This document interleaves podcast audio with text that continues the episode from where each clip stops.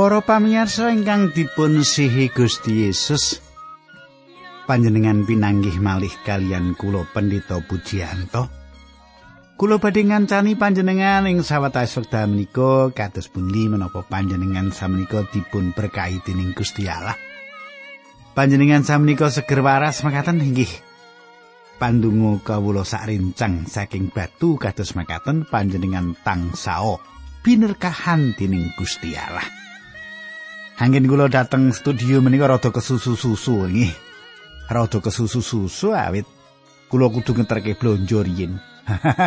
Wis ya meni ngeterke blonjo iki. Nah para pamirsa, kados padatan kula badhe sesarengan kalian panjenengan wonten ing salebetipun adicara margi utami. Adicara ingkang sampun panjenengan antos-antos awit saking adicara menika panjenengan pikantuk wawasan-wawasan kasukman mangertos secara jangkep kados pundi kitab suci meratelaken kayektosan. Monggo nyaket kalian ngomriki lan lenggah ingkang sekeca sugeng midhangetaken adicara menika.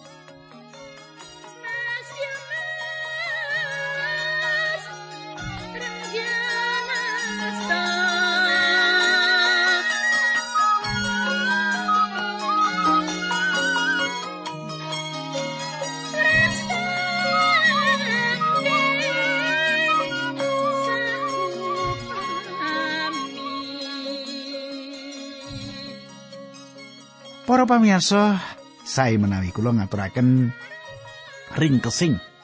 Menapa ingkang kula aturaken duk nalika kepengker paling boten saged ngimutaken panjenengan makaten nggih. Kadang kula wonten ing pepanggihan kepengker kita sampun nyemak bilih Elifas tetep budidaya. Mapanaken ayub wonten ing papan ingkang angel.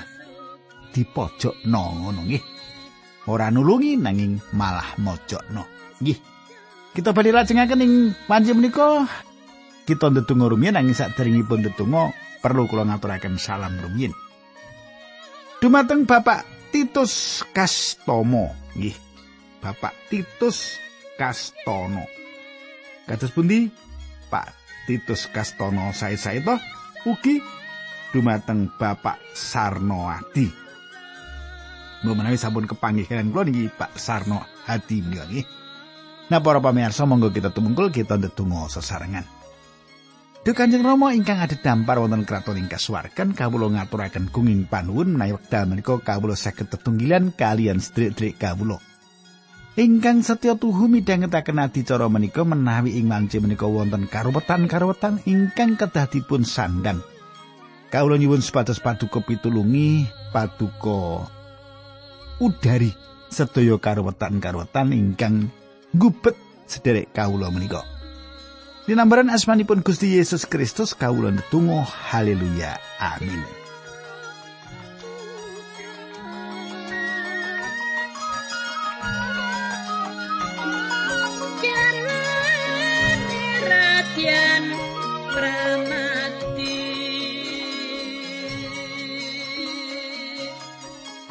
Para pamirsa ingkang kula tresnani, kita badhe lumebet ing kitab Ayub bab kang 11. Kita lumebet ing kitab Ayub bab kang 11, ayatipun kita wiwiti kawan welas awit dumugi ayat 13 sampun kita rembak.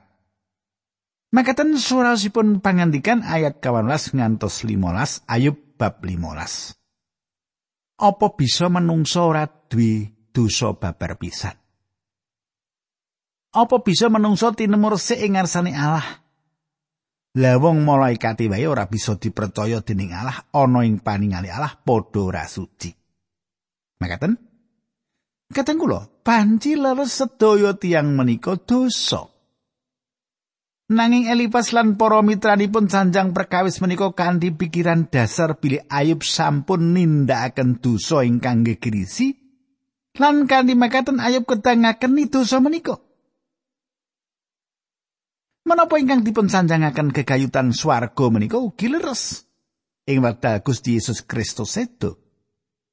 Gusti Yesus mboten namung sedo kangge nebus dosa umat manungsa, nanging ing salebeting rancangan panebusanipun badhe wonten swarga inggal lan bumi inggal ingkang badhe timbul awit Gusti nebus kita. Inggih menika pratela ingkang leres bilih sedaya langit mboten resik manut pamirsanipun. Kita lajengaken ayat 16 makaten. Apa meneh menungso sing wis rusak mergo hawa nepsune?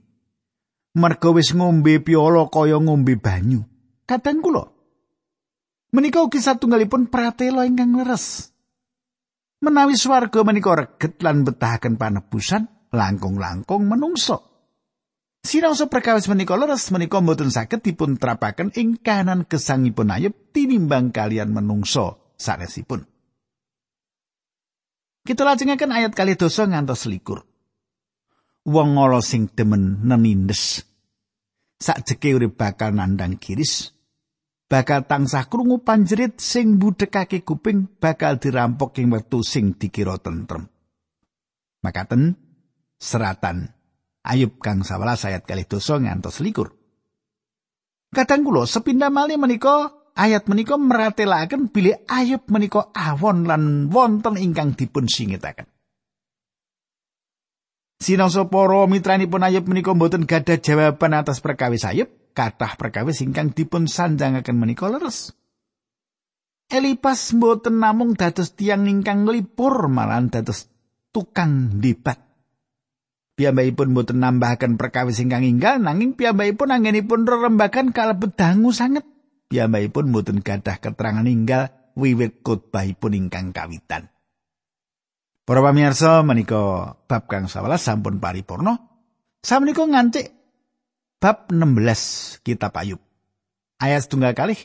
Ayub Aku wis kerep krungu panemu sing mengkono kuwi panglipurmu mung wujud panyiksa tumraping aku. ngaten sanjangi Ayub. Katang kula. Kula yakin tiang-tiang menika inggih menika mitranipun Ayub. Nanging pepanggian menika kapungkasi kanthi dedebatan. Ayub gadah wawengan kangge nyukani wangsulan sasampunipun saben tiang ceratu kados ingkang kita panggihaken wekdal menika. Ayat 3. Besok kapan nggonmu leren? Kondo ngawur mengkono kuwi Apa sing jalani kowe kaweh wangsuran kaya mengkono? Katang kula Ayub sanjang iku tembung-tembung kotong kang ora ana tegese kang kok kandhake ora ngenani kebutuhanku. Emanipun, emanipun. Kata khotbah kapireng kados makaten. Saperangan saking khotbah-khotbah menika malah boten apunjer ing wucaran kitab suci lan boten saged dipunagem dening Sang Roh Allah. Kejawi Sang Roh Allah saged ginakaken khotbah perkawis menika mboten wonten ginanipun.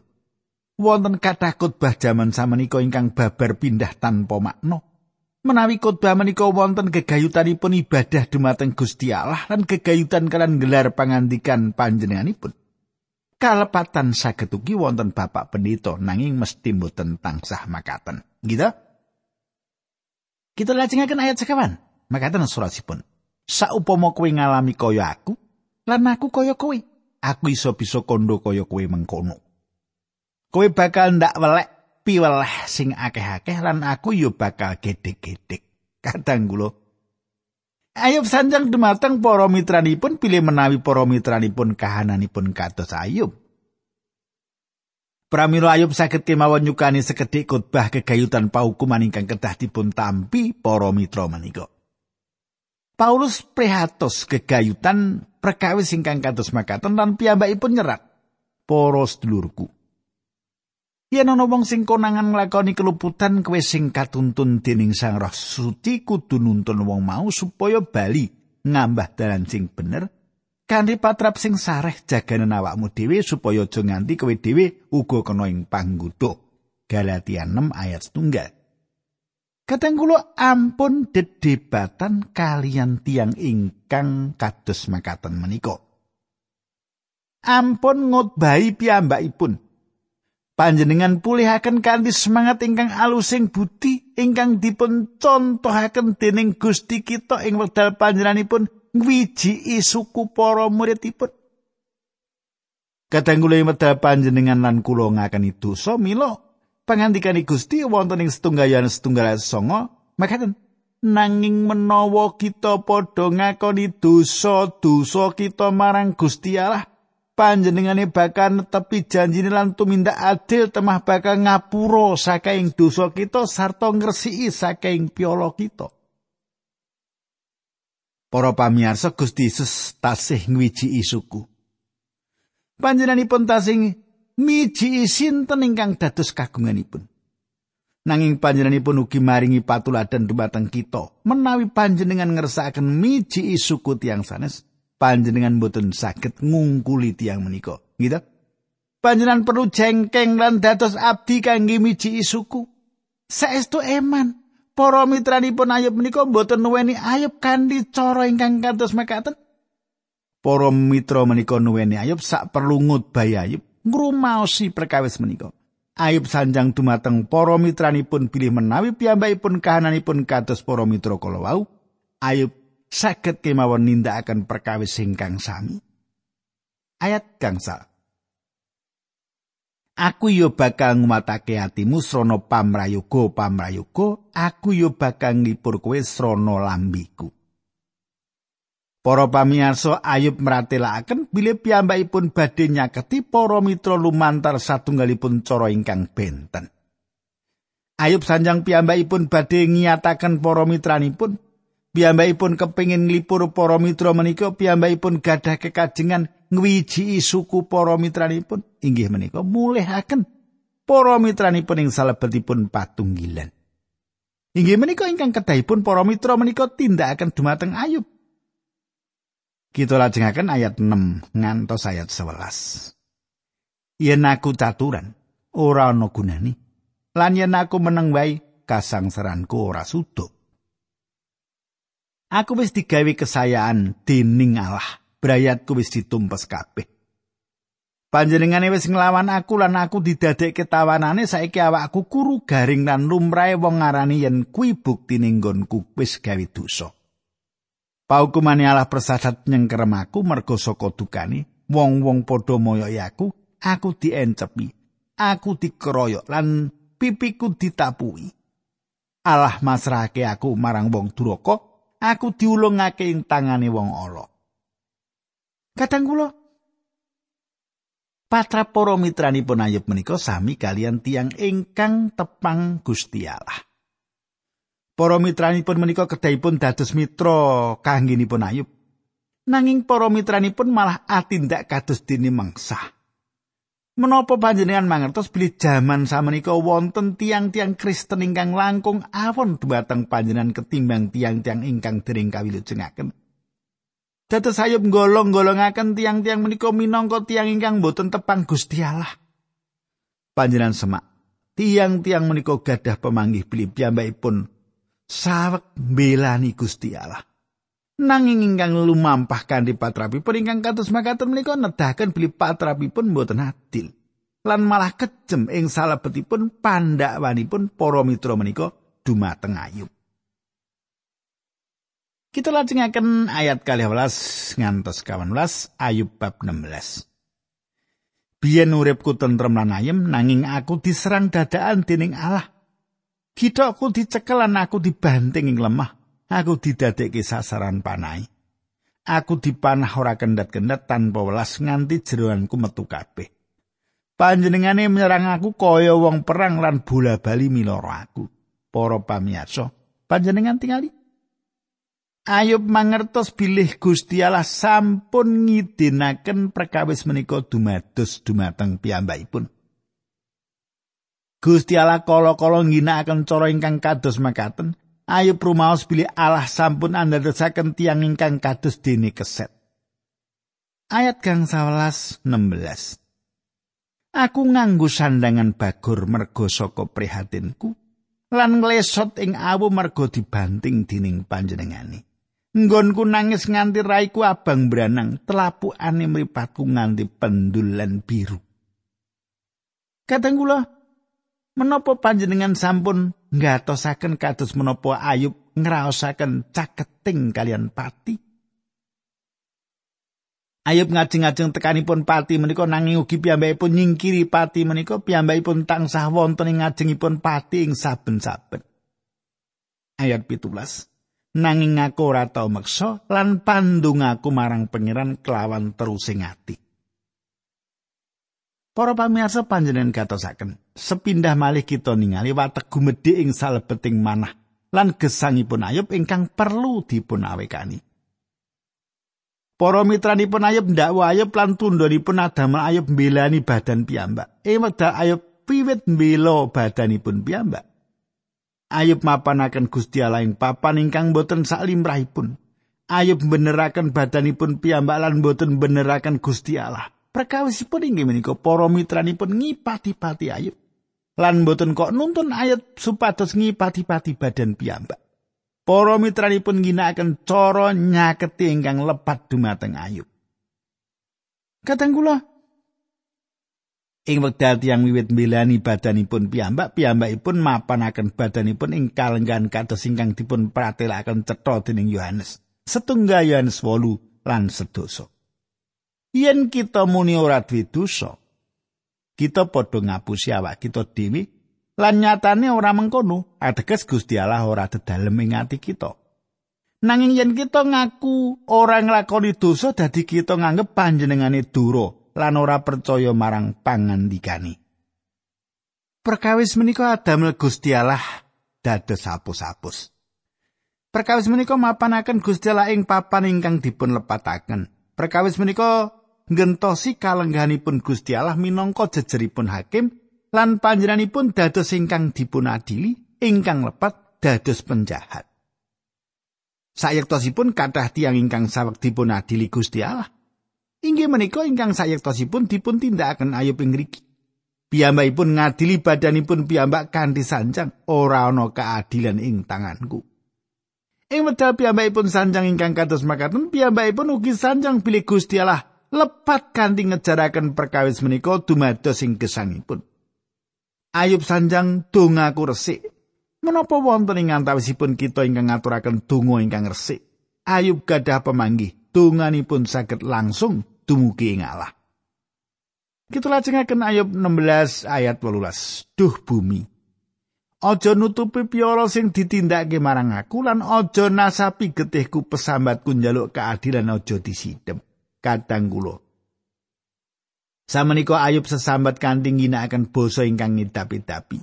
Piyambakipun nyuwun bumi supados nutup rahipun. Menawi rah Habel sesambat dumateng Gusti Allah. Pramila mesti kemawon Ayub gada pemanggih rahipun kedah sesambat dumateng Gusti Allah.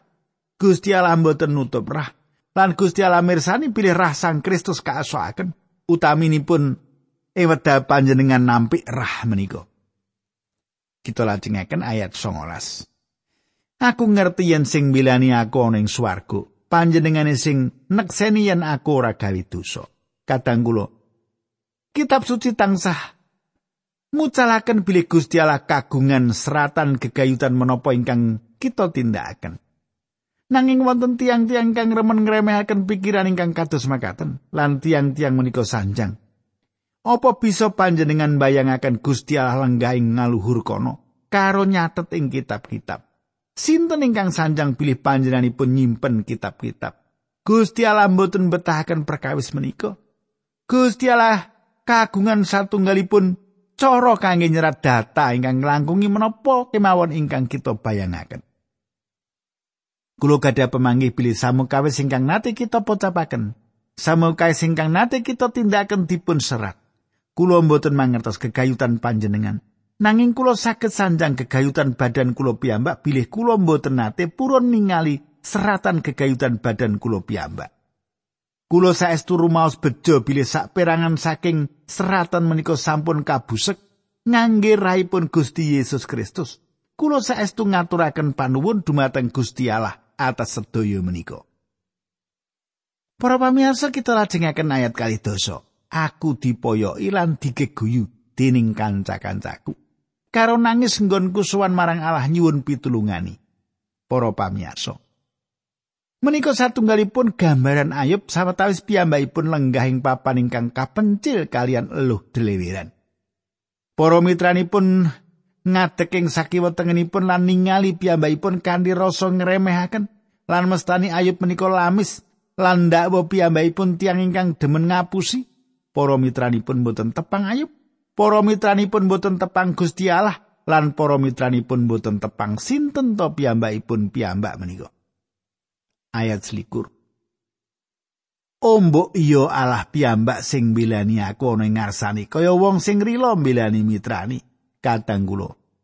Kados menapa ngumunaken kangenipun tiang-tiang pitados awit mangertos bilih kita gadah pantoro.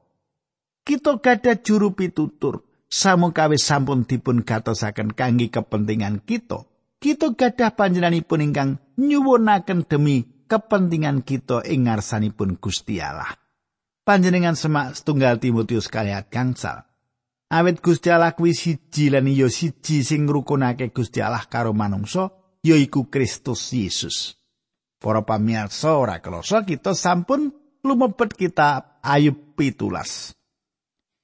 Ayat sunggal ajal wis cedhak lan aku wis sayah. Kuburku wis cemepak. Kadang kula Ayub mangertos bilih kuburan sampun ngentosi piyambakipun. Kados-kados menapa ingkang dipun sanjangaken menika syukuripun ingkang setunggal sampun wonten ing kuburan lan ingkang setunggal tasih midak kulit gedang. Piyambakipun gadah pemanggih. Bilih piyambakipun menika sampun sekarat. Ayat kali. Aku dadi poyokane wong aku ngerti nggone padha ngrasani ala marang aku Katang kula ing mriki ayub sawek sekarat lan para mitranipun ngadeg ngupengi piyambakipun lan moyoki piyambakipun. Saestu satunggalipun gambaran ingkang nyediaken, kita perlu mangertos bilih wonten wekdal ingkang pas kangge ngedalaken tembung-tembung ingkang keras. Gusti Allah badhe asikep saestu keras dumateng ayub, nanging panjenenganipun ugi badhe paring panglipuran. Gusti Allah badhe paring pitulungan dumateng Ayub lan Gusti Allah badhe mulihaken kahananipun. Kenging menapa kados mekaten? Supados panjenengan kula saged ningali beli Gusti Allah menika panjenenganipun ingkang paring paukuman. Nanging panjenenganipun ugi Gusti Allah ingkang kebak welas asih lan Gusti Allah ingkang paring sih rahmat. Kula lajengaken ayat 3 sekawan gangsal bab 17. Duh Allah, Kawula matur bloko, kawula aturi mirsani, sinten malih ingkang saged mbiyantu nekseni tembung kawula. Tiang-tiang menika manahipun mugi paduka pepeti supados mboten mangertos. Sampun ngantos saged nimbang ing salersipun. Wonten bebasan sing ngedol mitrane mergo mburu bathi anak-anake sing bakal nampa piwalsi. Para pamirsa, panjenengan gatosaken Ayub nyuwun supados piyambakipun ampun dipun bombong kesangeten. Piyambakipun boten purun mitranipun bombong kesangeten. Ayat 13 Kawula namung ngajeng-ajeng datengipun alamipun tiang pecah ing rika kawula badhe ngaso ing petengan. Para pamirsa panjenengan tingali. Ayub mboten nate gadah pengajeng-ajeng nilaraken papan larahan ingkang mapan wonten ing sanjiwinipun kita. Piyambakipun gadah pemanggih papan menika dados papan patinipun. Ayat kawan las ngantos 16 kubur badi kawula sebat bapakku lan set-set ingkang nedha badan kawula badi kawula sebut ibu lan sedulurku wadon. Pramila menapa ta ingkang badi kawula ajeng-ajeng malih sinten ingkang badi nyukani kabejan dateng kawula? Semongso kawula mlebet ing alam tiang pecah kawula sampun boten badi gadah pengajeng-ajeng malih. Panjenengan katosaken Ayub sanjang pilih badanipun ingkang sangat boten jenjem lan sakit sampun siap manunggal kalian Siti. Kula sikik semanten rumiyin kita lajengaken dinten candhaipun kita ndedonga sesarengan. Duh Kanjeng Rama ing swarga kawula ngaturaken gunging panuwun menawi wekdal menika kawula saged tetunggilan kalian sedherek-sedherek kawula. Kawula matur supados Gusti berkahi kawula sasampunipun pangandikan menika kawula sikek. Linambaran asmanipun Gusti Yesus Kristus kawula ndedonga haleluya amin.